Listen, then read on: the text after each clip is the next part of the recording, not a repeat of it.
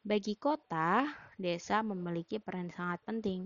Interaksi keruangan antar kota dan desa membawa pengaruh terhadap kehidupan ekonomi, sosial, budaya, dan juga politik di kota. Adapun pengaruh tersebut adalah sebagai berikut. Yang pertama, secara ekonomi, kota memperoleh sumber daya dari desa, baik berupa SDM, tenaga kerja, maupun SDA yang berupa hasil pertanian atau hasil tambang. Yang kedua adalah penduduk desa yang bekerja di kota sebagian tidak menjadi penduduk kota yang sukses dan sebagian menimbulkan masalah kemiskinan di kota yang tampak dari adanya permukiman kumuh.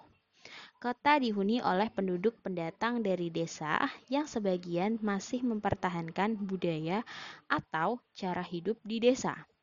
Pengaruh interaksi keruangan biasa terjadi antar negara dan antar benua.